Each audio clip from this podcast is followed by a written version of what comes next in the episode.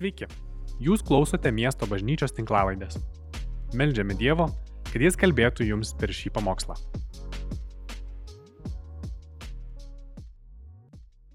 Labas rytas. Šiandien noriu kalbėti mums visiems apie cinizmą ir apie viltį. Ir galbūt tau klausimas toks kyla, prie ko cinizmas ir malda. Mes kalbam visą mėnesį apie maldą, maldingumą kaip padaryti maldą savo nuolatinį gyvenimo dalimi, kaip, kaip būti santykėje su tėvu, kaip išmokti šauktis jo abą, abą kasdien, kiekvienoje situacijoje, kaip mokytis to beigiškumo jausmo, kuriame atsiskleidžia Dievo stiprybė mumise ir mes ragaujam jo malonę. Bet cinizmas galbūt labai tai asmeniška man yra viena didesnių kovų mano gyvenime Ir prieš keletą metų aš kaip pirmą kartą perskaičiau Polo Millerio knygą apie maldingą gyvenimą. Ten buvo pora skyrių apie cinizmą ir mane tie skyriai kaip, kaip plyta trenkė per galvą. Ir aš supratau, kad tikrai didelę gyvenimo dalį, taip nugyvenęs 30 metų tikėjime, mačiau daug žmonių, kurie deklaravo vienus dalykus savo tikėjime, gyveno kitaip arba E, skelbė didį tikėjimą, galiausiai krito, e, visa tai paliko nuosėdas. Kiekvienas žmogus atsitraukęs nuo tikėjimo, kiekviena galbūt neatsakyta malda patampa gundimu tapti cinišku.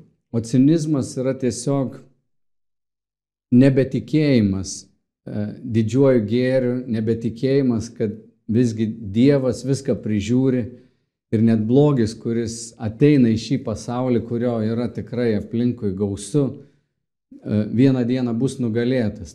Tas e, vaikiškumas, kurį mes kalb... minėjom, ar ne, kad Jėzus mus kviečia būti kaip vaikus, ateiti pas tėvą, na, su tokiu tyru tikėjimu, kad Dievas veikia, jis veiks, jis yra geras, jis yra už mus, jis kovoja mūsų kovas Jis yra ištikimas, jis yra galingas ir aš galiu juo tikėti net kai savo akimis stebiu kartais tarsi priešingus dalykus.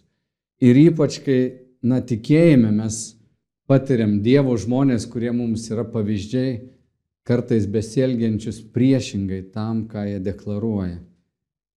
Tada pamažu cinizmas kaip, kaip kokie nuodai į, į, į mūsų venas įsiskverbia, atrodo, pradeda nuodyti visą kūną. Ir problema tokia, kad ne visada tu pastebėsi, tai tai įeina kaip, kaip įtrauktas dūmas, kuris užnuodėja vidų, kaip va, kažkokie tiesiog nuodai. Ir, ir tu tik po laiko pradedi pastebėti galbūt, kad nebėra noro melstis, kad atsirado labai kritiškas žvilgsnis į viską. Ir žinoma, mums nepadeda tai, kad mūsų aplinkoje cinizmo yra tiek daug. Šiandien Lietuvoje yra cinizmų tiek daug, mes matom nepagarbą, mes matom daug melo, mes matom korupciją, mes matom žmonių susiskaldimą, ypatingai šitie paskutiniai dviejai metai tiek įnešė susiskaldimų, kad na, cinizmo yra tikrai labai daug. Ir mūsų visa aplinka jinai atrodo, to yra prisipildžius ir tuo kvėpuoja. Cinizmas tai yra toks matymas, na, pasaulio, kur žmogus galvoja, kad jis mato viską, kas yra ir supranta viską, kas turėtų būti, kaip turi būti, bet pats žmogus lieka toks šaltas. Dostojevskis labai jau seniai parašė, kad cinizmo atsiradimo priežastis yra tikėjimo ir bendrų taisyklių sunaikinimas kai nebėra nieko švento.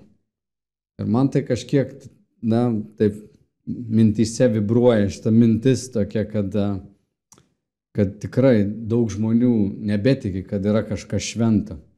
Skaičiau dar vieną straipsnį, kuris man irgi na, paliko tokį gerą įspūdį, tai yra rusų psichologų Vladimiro Poliakovo ir Natalijos Raskazovo straipsnis Cinizmas mūsų civilizacijos maras. Tai sako, kad psichologinių požiūrių cinizmas yra nekas kita kaip vidinis konfliktas, kuriame tarpusavėje neįmanoma suderinti kelių idealų. Susiduria viena kitą neigiančios, viena kitai prieštaraujančios idėjos apie tai, kaip teisingai gyventi, ko siekti, kuo tikėti. Tokioje mąstymo sistemoje nėra vietos užuojautai, kadangi nevykėliai patys kalti dėl savo bėdų. Užtada atsiranda vietos aklam jėgos garbinimui, atmetant moralinę klausimo pusę, neatsižvelgiant, ar gina toji garbinamo jėga e, tiesą, teisingumą ir gėrį. Ir toliau jie sako, kad moralinės patologijas žmonės pradeda laikyti normą ir toliau jau veikia sąmoningai jausdami įvairaus laipsnio sąžinės graužimą. Daugelis apskritai nieko nebejaučia, tiesiog atkakliai juda į priekį, link beribės valdžios, pinigų, malonumų, o tie, kurie laikosi taisyklių, pralošia. Juk cinikai, nepaisantis normų, visada turi daugiau strategijų. Ten, kur doras žmogus sustoja, atsimušęs į padarumo normą, cinikas, nesusimastydamas, paleidžia į darbą apgavystės, melą, žiaurumą. Na tai mūsų tikrovė, man atrodo, labai gerai taip at, at, atvaizduoja arba atspindi šitie žodžiai. Jėzus labai panašiai pasakė, sako, prieš jam grįžtant nedorybės pasaulyje pasidaugins arba nedorumo ir visokių nešvankybių padaugės ir daugelio meilė atšals. Tai reiškia, kad žmonės susitaikys su blogumu, pradės moralinius iškrypimus laikyti normą. Ir tada, na, ateina va toks ciniškas tas požiūris, kai atrodo būti doru, būti geru, būti tokios nuolankios vaikiškos dvasios, nei madinga, nei naudinga. Bet tai tikrai cinizmo dvasia yra visiškai, visiška priešingybė tai vaiko dvasiai.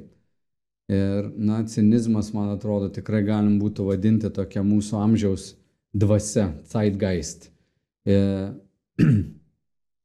ir manau, kad tai paveikia ne vieną. Aš gal galiu kalbėti už save, bet kartais taip atrodo, ar galim dar melsis ir tikėti, kad Dievas tikrai paveiks, kad Dievas gali, pavyzdžiui, perkeisti visą tautą visą mūsų visuomenės tą audinį, tuos ryšius, ar gali įvykti toks prabudimas, ar gali įvykti moralinis toks atsinaujinimas.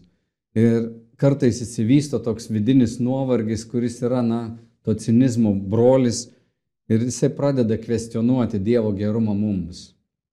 Tai su tuo aš susiduriu. Man tai yra tokia, na, kovos laukas, išlikti vaikiškos dvasios, toliau tikėti Dievu. O šetonas jisai, jeigu negalės sustabdyti tave nuo maldos, nuo gyvenimo maldoje, tai jis visada pasistengs kažkaip susilpninti, atbukinti tavo dvasę, kad tu būtum toks apsnūdęs, gal net melstumės, bet be didelės aistros, be didelio užsidėgymo, be didelio tokio įsitikinimo, kad aš tikiu Dievu, aš tikiu Dievu. Nes šetonas yra tas, kuris sėja tą cinizmą. Netgi pirmieji jo žodžiai, kalbant su žmogumi, kai jis ateina gundyti Jėvos, jisai ciniškai kalba, sakydamas jiems nemirsite. Dievas žino, kad tą dieną, kurią valgysite nuo jo, atsivers jūsų akis ir jūs tapsite kaip dievai, pažindami gerą ir blogą. Ką jisai sako? Jis sako, kad Dievas nėra sąžiningas jūsų atžvilgių, Dievas turi kitų uh, paslėptų motyvų.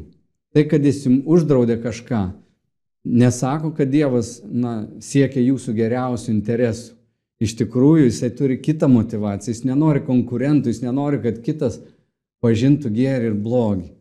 Čia šetonas jisai e, na, neša tą melą, neša va, tą tokį cinišką žvilgsnį, pasėdamas um, Jėvos mintise, kad Dievas turi paslėptų kitų motyvų apkalbos labai panašiai veikia, jos sukuria tokį netikrą intimumą, tokį, kai tu kalbė apie kitą žmogų, jam čia nesant ir skaitai jo motyvus ir gal, pripaišai jam kažkokius tai motyvus. Ir tai taip atrodo, jo, aš kažką žinau, ko kiti nežino, aš matau, ko kiti ne, nežino, bet, na, žvilgsnis jau pradeda keistis, mūsų širdis tampa vis labiau šalta ir tokia, na, ciniška. Tai ta cinizmo pradžia ir yra tokia. Pažiūrėk, ar tau taip nebūna, kad mintise, kai tu girdi kažką kalbant, jau įtarimas veikia tavo galvoje, kad galbūt palauk, ar čia nėra tik paslėpti motyvai. Aš girdėjau tiek daug politikų, aš girdėjau tiek daug dvasininkų, kažką kalbant, o paskui vis tiek, kaip sako, norėjom geriausio, išėjo kaip visada. Mes turim tokius posakius, kurie irgi yra labai ciniški. Kažkas siekia geriausio, taip geri motyvai, bet pažiūrėk galiausiai, kaip jam gavus. Nieko naujo pasaulyje, visi toliau taip klysta. Ir cinikas jisai atsistoja į tokią poziciją, kurioje, na, jisai stebi, kritikuoja. Ir problema, kad jis niekada pats neįsitraukia, nemyli ir negyvena viltimi. Cinizmas dažnai prasideda nuo tokio naivaus optimizmo. Naivus optimizmas, na, ką mes matom kartais uh, Netflix'e žiūri, ar ten Disnėjaus filmukų žiūri, tai daug tokio, tokio naivus optimizmas, e, jis tiki, kad viskas bus gerai, kaip maksimum. Atėjus, tu girdi, viskas yra ir bus gerai. Ir ta dainelė sukas ir taip atrodo, kaip faina. Ir žinoma, vaikai, jie turi tokio optimizmo, naivaus optimizmo. Dažnai matau netgi į bažnyčią atėjusius žmonės, kurie įtiki, jie įsimylė Jėzų, jie ateina ir jie viską idealizuoja. Aš anksčiau kažkaip taip nu, labai to džiaugdavaus, dabar tikrai pats įtariau žiūriu, Nes būna prie manęs prieina žmonės, sako, koks jūs nuostabus pastorius, kaip man ten jūsų pamokslai patiko, kaip jie padėjo. Ir taip idealizuoju, kai kurie net vos ne tokį garbinimą nueina. Nu, ne taip garbinimą, bet tu matai tą tokį žibėse akise, koks jūs nuostabus žmogus. Ir kuo didesnis va, tas toks sureikšminimas manęs, ten kokio kito nors um, dvasininko tarno Dievo, kuris kelbė žodį, per kurį Dievas jam ir tarnauja. Bet tas ideali, toks naivus idealizmas ar ne optimizmas, jisai paskui labai žemai ir krenta. Ir mačiau žmonės, kurie neįdeda to Dievo dėmens, kad Dievas yra geras, jis vienintelis yra tobulas ir jis naudoja žmonės. Bet pasitikėti reikia ne žmogumi, pasitikėti reikia Dievu arba Dievo veikimu tame žmoguje. Bet naivus optimizmas, ko jisai neturi dažnai, jisai neįvertina iki galo blogio galios, blogio jėgos.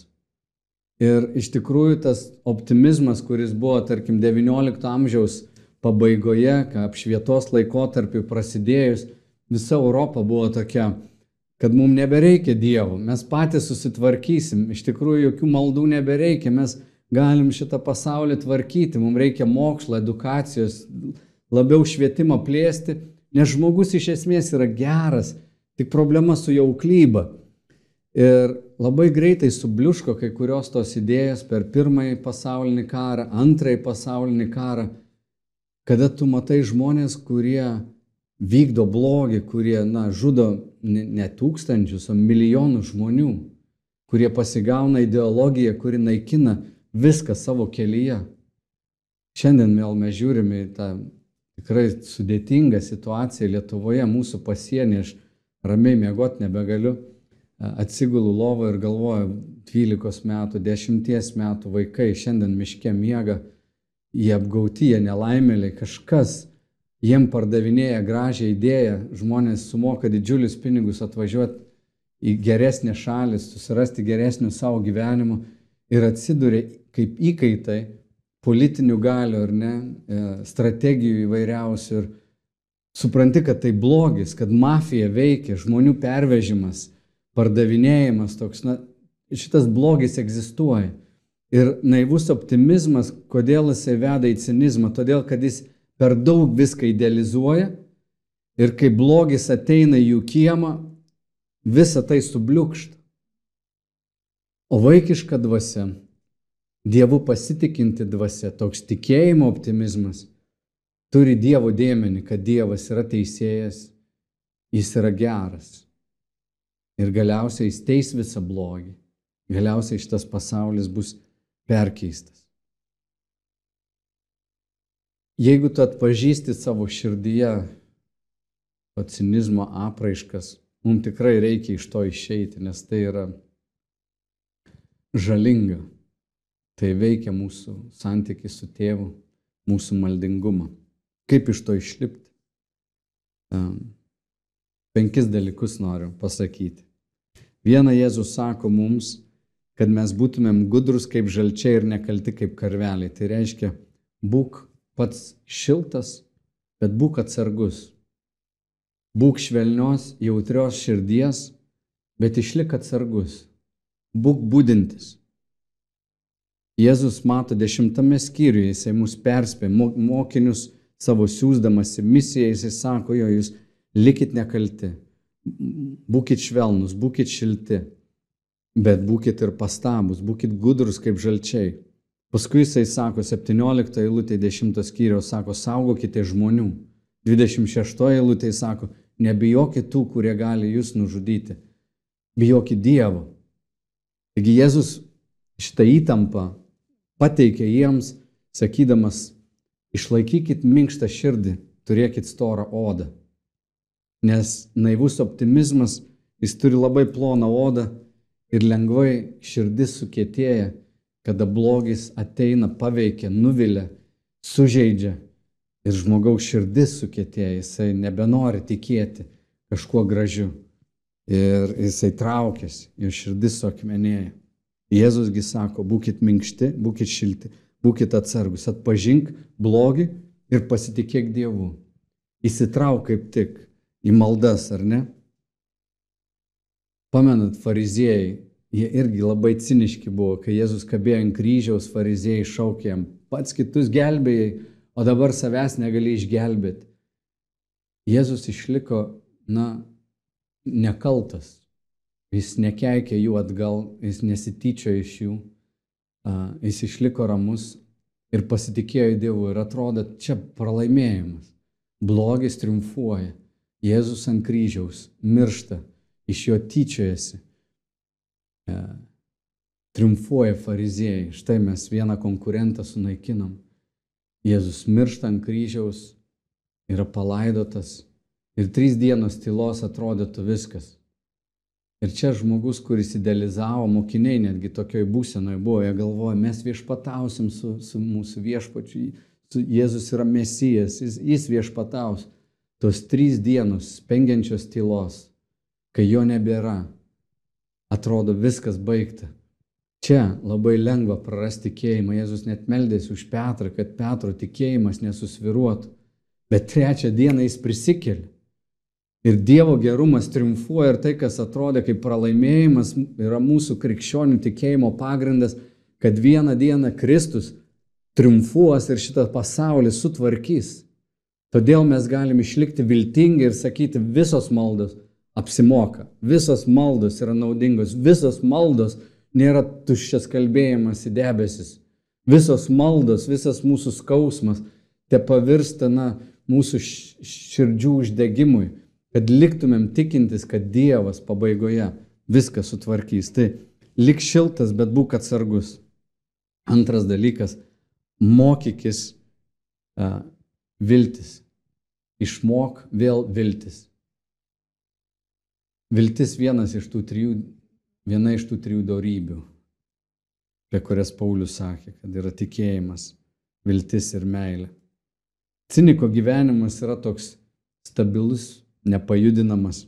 Viltis jam atrodo kaip kvailystė. Sako, viltis kvailių motina. E, malda tada atrodo tokia tuščia. Bet e, Jėzus netaip gyvena. Kai žvelgi Jėzaus gyvenimą, ne ten, kur ateina, atrodo mirtis, kur yra blogos situacijos, tarkim Jono Evangelijos devintam skyriui, lošys sėdi nuo gimimo luošas. Jėzus užkuria viltį jame, jis jį išgydo. Našlė, kuri veža savo sūnų, likus be apsaugos, be aprūpinimo, praktiškai pasmerkta būti skurde visą likusį gyvenimą. Jėzus pažvelgia ir sako, neverk, prikelė jo sūnų. Viltis. Ten, kur atrodo tamsa, Jėzus uždega viltį. Jairas ateina, sako, mano dukra serga. Praneša jį mirštą arba mirė. Jėzus sako, nebijok, tik tikėk, išlaikyk viltį. Čia dar ne pabaiga. Liga dar netriumfavo. mirtis net nėra pabaiga. Ir Jėzus kur tik eina, dangaus karalystė eina iš paskos ir Jėzus prikelia, prikelia, prikelia. Tai mums svarbu išlikti viltimi ne, ne žmogiškų gerumų. Kai tu meldies ne taip, nu, aš tikiuosi viskas bus gerai. Tai netokia viltis, kad nusipirkau loterijos bilietą, tikrai laimėsiu. Nu šį kartą tikrai turiu gerą jausmą. Ne apie tai kalba, kad viltis nėra kažkoks tuščias tikėjimas, kad viskas išsirutulios gerai, bet tikėjimas, kad Dievas yra geras, kad jo valia visgi yra tobula ir jis yra už mane. Aš viliuosi ne šiaip kažkokiu gerumu, kad viskas bus gerai, bet kad mano Dievas yra geras. Jėzus visur nešė viltį. Šalia jo galėjai jausti, kad blogis yra tikras, jis žiūrėjo blogį į akis, bet jis triumfavo prieš blogį. Pasikartosiu sakydamas, kad trečias dalykas - būk kaip vaikas. Jėzus sakė, jeigu kas netaps kaip vaikas, negalės įeiti dangaus karalystę.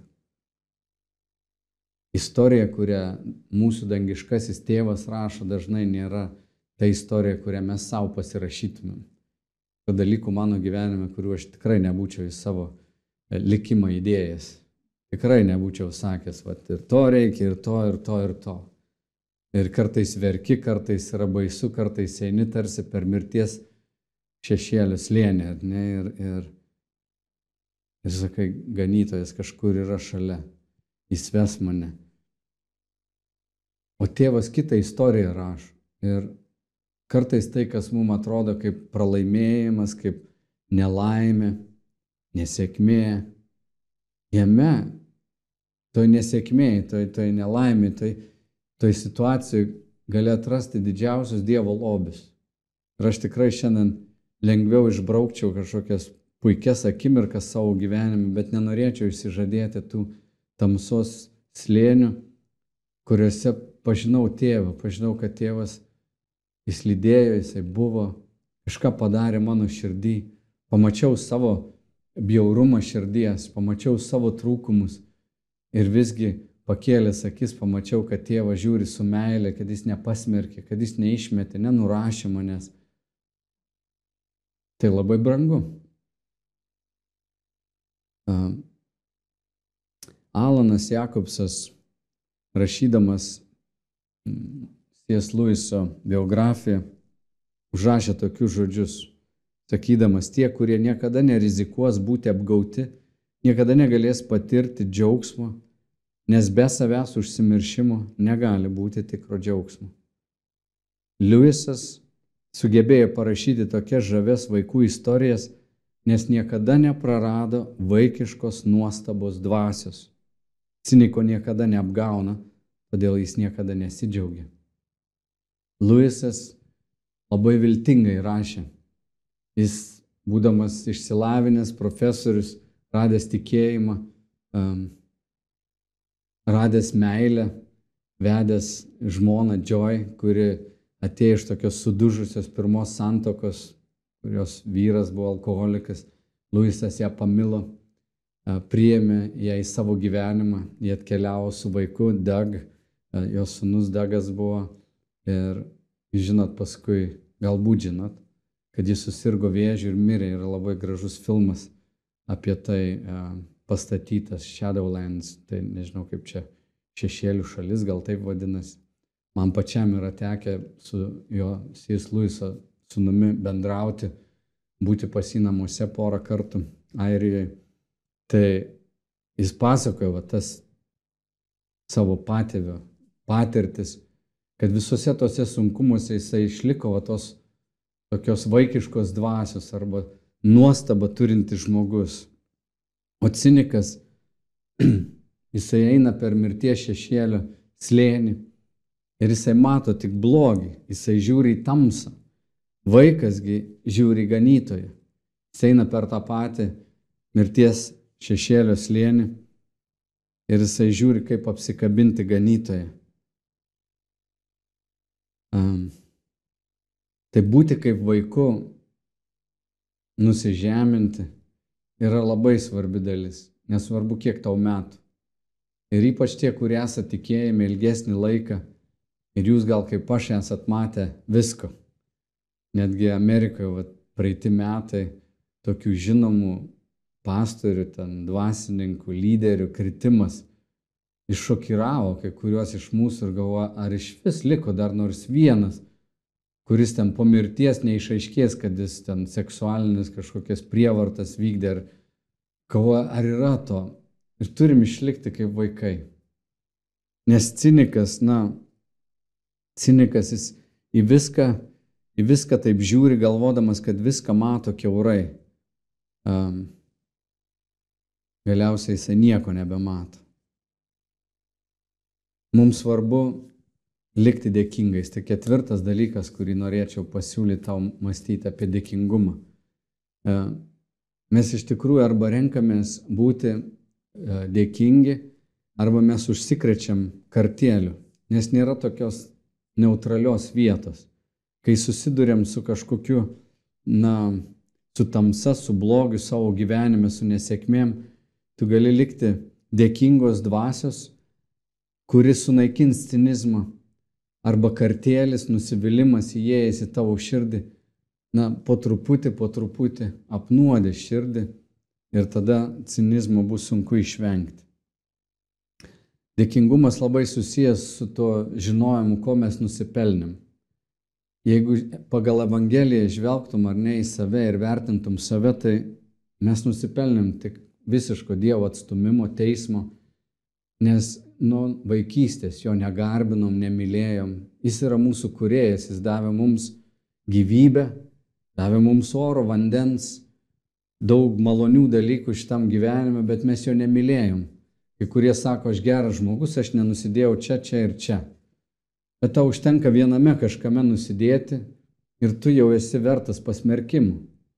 Juk tas, kuris sulaužo vieną įstatymą, kažkokį nusižengė viename įstatymų įsakymę, Jis nusideda prieš visą įstatymą. Nėra taip, kad sakai, nu aš tik žmogų nužudžiau, bet aš mašinų nevogiau. Negali sakyti, kad likai nekaltas. Nu aš nepaleistuvavau. Nu, kad pavydžiu, tai čia, nu, kas nepavydė. Žodžiu, mes galim labai pateisinti, bet realiai mes kaip žmonės, na, esam sugedę iš vidaus. Ir, ir nieko nenusipelnėm išskyrus pasmerkimą ir teismą ir galėtumėm būti teisėtai, teisingai nuteisti ir atskirti nuo Dievo, į amžinai kančios vietą pasiūsti.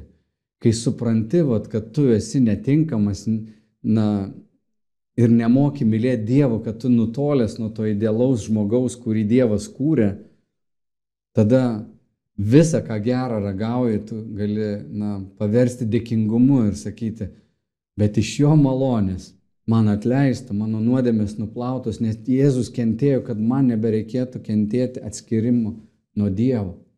Jis buvo atstumtas, kad aš nebebūčiau atstumtas. Tai keičia, labai keičia tavo vidų. Aš net sakau, vakare aš atsigulu į lovą dabar ir pagalvoju apie žmonės miškuose. Aš turiu ir tokį dėkingumą, bet ir tokią atjautą ir norisi kažką dėl to daryti. Aš negaliu tiesiog sėdėti rankų sudėjęs. Bet žmonės, kurie randa pateisinimą ir sako, tai jie visi apsimetėliai, jie visi tenais, e, žodžiu, nusikaltėliai, jie nelegalai ir, ir tu užklijuoji tas etiketės tiem žmonėms, su jais nebendravęs, nebuvęs, nematęs, labai lengvai cinizmas prie tavo širdies prikips, nes tu esi teisus, tu nesi nelegalas, tu nesi migrantas, tu esi šventas žmogus, o jie nusikaltėliai. Ir cinizmas jisai galvoja, kad visada mato viską, kas vyksta ir gali apie viską teisti, viską įvertinti, bet lieka neįsitraukęs. Dėkingumas mus verčia judėti, verčia mus pačius ateiti arčiau. Ir penktas dalykas, tai dažnai atgailauk. Čia apie tai, ką jau šneku, ar ne, kad pamatyti savo širdį, nes cinikui trūksta pačiam širdies tyrumo. Iš tikrųjų, žmogus, kuris savo širdyje nėra iki galo tyras, jis prisidengia na, kitą teisdamas, pasmergdamas, vertindamas, kritikuodamas. Žmogus, kuris yra perfekcionistas ir tobulas vienoje srityje, kitas rytis kažkaip užniveliuoja ir sako, čia nieko tokio, jis ras savo pateisinimą, bet galiausiai, na, jis tik tais viską vertins, bet širdimi liks labai šaltas. Čia Sijas Luis apie tai štai ką yra pasakęs. Jei viską matai keurai, galiausiai nieko nematai. Jūs negalite paaiškinti visko, nes galiausiai paaiškinsite patį paaiškinimą. Negalite amžinai keurai matyti visų dalykų. Žiūrėjimo tikslas yra kažką pamatyti. Jei viską matai keurai, tada viskas skaidru, bet visiškai permatomas pasaulis yra nematomas pasaulis. Viską keurai matyti yra tas pats, kas nematyti. Mums labai svarbu save visų pirma pamatyti. Nes kai mes vieną kalbam, patys kitaip gyvenam, save pateisindami ir net gailaujam dėl to, na, jau mumise veikia tas cinizmo principas. Tada aš sakau, šitas žmogus meluoja, šitas žmogus nėra nuoširdus. Veidmainis, jis teisė kitus ir pats pavirsta ciniku. Domas ir Jėva po savo kritimo tapo tokiom pasidalinusiom asmenybėm. Ir jų gyvenimas nuodėmės pažymėtas. Ką Dievas nori padaryti, suklyjuoti mus atgal į vieną, padaryti vientisus, padaryti sąžiningus su savimi per atgailą. Ir iš jo malonės tai gali įvykti. Toks žmogus buvo Dovydas. Mes matom psalmėse, jis mato blogį, jis išreiškia savo pyktį, jis nėra veidmainis, nėra tobulas, bet pripažįsta savo kaltes ir sako palaimintas žmogus, kuriame, kuriam viešpats atleidžia jo nusikaltimus. Bet jo aplinka, kurioje jis užaugo kitokia. Gal jūs pamena tą situaciją, kai Jėse pasiunčia savo sūnų Dovydą pas kitus brolius, kurie susirėmė su filistinais. E, Galijotas išeina, meta iššūkį kiekvieną dieną ir Dovydas ateina ir sako, kas čia vyksta. Klausinėja. Jo vyresnysis brolis Eliabas prieina prie jo, sako, ką tu čia klausinėjai, ko tu pabėgai nuo tų savo kelių avių toj dykumoje. Ar tik netėjai čia pažiūrėti, pažiūrėk, kokia tavo išdidi širdis. Ir Dovydas sako, tušti tavo žodžiai. Anot Elijabas, jisai kritikuoja Dovydą, smerkia jį. Jisai sako, tu atėjai čia tik patirinėti, atėjai pažiūrėti kaip į kokią nors futbolo varžybas. Žodžiu, tu nieko neįsitraukęs, bet pats Elijabas nedalyvauja niekame. O Dovydas pilnas tikėjimu, ne kažkokiu bendru gėriu, kuris triumfuos. Bet sako, ką daro tas neapipjausytasis, aš eisiu ir kovosiu su juo. Tada toks gražus įvaizdis Saulis karalius jam duoda savo šarvus, Dovydas užsideda, sako, čia ne mano. Kaip tarsi kaukė kažkokia, na, va, tu būsi dabar tikras kareivis, Dovydas sako, ne, ne, aš liksiu tas berniukas, aš turiu metyklę, aš esu užmušęs ir liūtą, ir vilką, viešpats buvo su manimi, viešpats bus dabar su manimi, aš nukausiu tą neapipjausi, tai jis iš tikrųjų buvo to laikmečio sniperis. Jis galėdavo įskrendantį kartais 100 km greičiu, skrendantį paukštį pataikyti. Tokios tos metiklės būdavo. Ir Dovydui atrodo, nu, jo, jis galėtų galbūt pasitikėti ir savo tą jėgą, bet jis sako, viešpats Dievas kovos. Ir jis išeina prieš jį, sako, aš išeinu viešpaties Dievo vardu, ne savo vardu. Paleidžia tą akmenį, kuris pataiko tiesiai į kaktą, nukauna galijotą.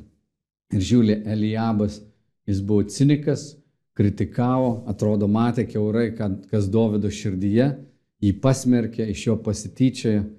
Dovidas išlikęs to vaikiško tokio tikėjimo, kad negali tai būti, kad šitas neapipjausitasis tyčiotas iš viešpaties tautos. Jaučia tą pašaukimą, Dievas veiks, Dievas veiks. Ir tai yra na, gražus pavyzdys, kad mes išliktume maldoje visada viltingi. Net kai matom korupciją, kai matom sugėdimą, būkim tie, kurie būsim maldo žmonės. Um, neleiskim cinizmui prasiskverbti į mūsų širdis. O jeigu tai randi savo širdį, tai labai nori melsis, kad tikrai viešpats leisų tau na, nusileis, pažiūrėti į save, tapti dėkingu, tapti vėl kaip vaiku tapti tokiu švelnios dvasios ir e, toros odos atsargių žmogumi ir niekad nepamesti atgailos. Tai yra mūsų kelias, kad mes neįkristumėm į tą cinizmą. Ir viešpats tikrai tau padės. Tarp kitko, mes įrašėm tokius podcastus, miesto bažnyčios podcastai. Visur, kur gali rasti podcastų, ar Spotify'os platformai, ar, ar Apple, ar Google Play, ten įvairiose vietose. Susirask miesto bažnyčios podcastus ir labai noriu tau na, pareklamuoti, kad dalyvautum maldoje arba pasinaudotum podcastais, kur yra, na, pagal Tomą Kempietę esam tokį skaitinę, aš įskaičiau ir, ir užduodu klausimus tokios, kurie veda į atgailą, tokią savirefleksiją, kad galėtum pabūti maldoje. Tai 10-15 minučių trunkantis tokie podcastai, kuriuos net ryte, jeigu tau sunku susikaupti, atsidaryk telefoną, įsijung tą podcastą, miesto bažnyčią susiradęs, ar ne? Ir tu gausi tokį palidėjimą. E, aš labai tave raginu na, rasti įvairiausių būdų, kaip tau išlikti maldoje. Ir norisi mums kažkaip pasitarnauti, kad kiekvienas iš jūsų tikrai galėtumėt na, tą maldos gyvenimą perkelti savo kasdienybę. Kai važiuosi, nežinės įsijung, bet jei turi galimybę savo telefonu galbūt įsijung podcastą, tinklalaidę, taip lietuviškai vadinama, ir pabūk maldoje. Dabar noriu su jumis kartu pasimelsti. Viešpatė Dieve, mums taip reikia tavo malonės. Jėzau, tu buvai ir mokinių išduotas, ir daug cinikų tavęs supo, daug kas netikėjo tavo misiją, bet tu buvai nepalaužiamas, išlikai ištikimas tėvo valiai, išgerai kančios taurę už mus. Viešpatė, aš meldžiu, kad mes visi tavo vaikai, visi, kurie klausome šitų žodžių, liktumėm pilni tikėjimo optimizmo, nenaivaus optimizmo, bendrų kažkokių gėrių, kad viskas išsirutulios gerai, bet tėve tavimi pasitikim. Aš labai meldžiu viešpatį, kad tu suteiktum atgailą mums, kurie su cinizmu ypatingai susidurėm, kurie ne vieną nusivylimą įsileidom į savo širdį ir patys tapom kritiški, nebetikintis. Sunku kartais net melsis, kad kažkas keisis, bet tu, tėve, perkeiš širdis, padaryk mus kaip vaikus, kurie ne tik tokie atsistoja, viską kritikuos ir žvelgs, bet patys įsitrauks. Viešpatai išmokyk mus melstis, kovoti prieš blogį, ne prieš žmonės, bet kovoti prieš blogį, išlikti uoliais karštais maldoje. Aš meldžiu, kad tu pakeltum mumise karišką dvasę kovoti su blogiu, maldomis, kad žmonės, kurie vykdo blogį čia žemėje, paveikti piktų dvasių, kad jie būtų išvaduoti. Viešpatie duok mums kaip bažnyčiai kovoti kovas, kad tavo karalystė triumfuotų, kad tavo viešpatystė plistų tarp mūsų. Mes melžiam viso to, tėve, tavo paties garbiai, tavo valios įvykdymui per mus mūsų viešpatės Jėzaus Kristaus vardu. Amen. Ačiū, kad klausėte. Daugiau informacijos rasite mūsų svetainėje miestobažnyčia.lt arba Facebook, Instagram ir YouTube paskiruose.